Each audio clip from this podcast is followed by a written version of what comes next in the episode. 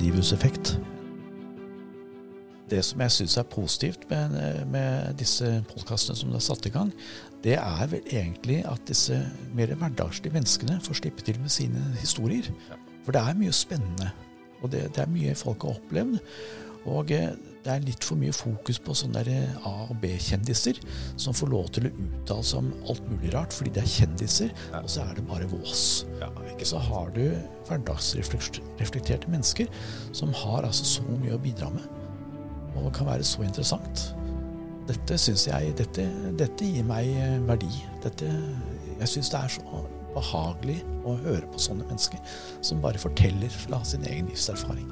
Drivhuseffekt, podkast for deg som har tid til å lære av andre.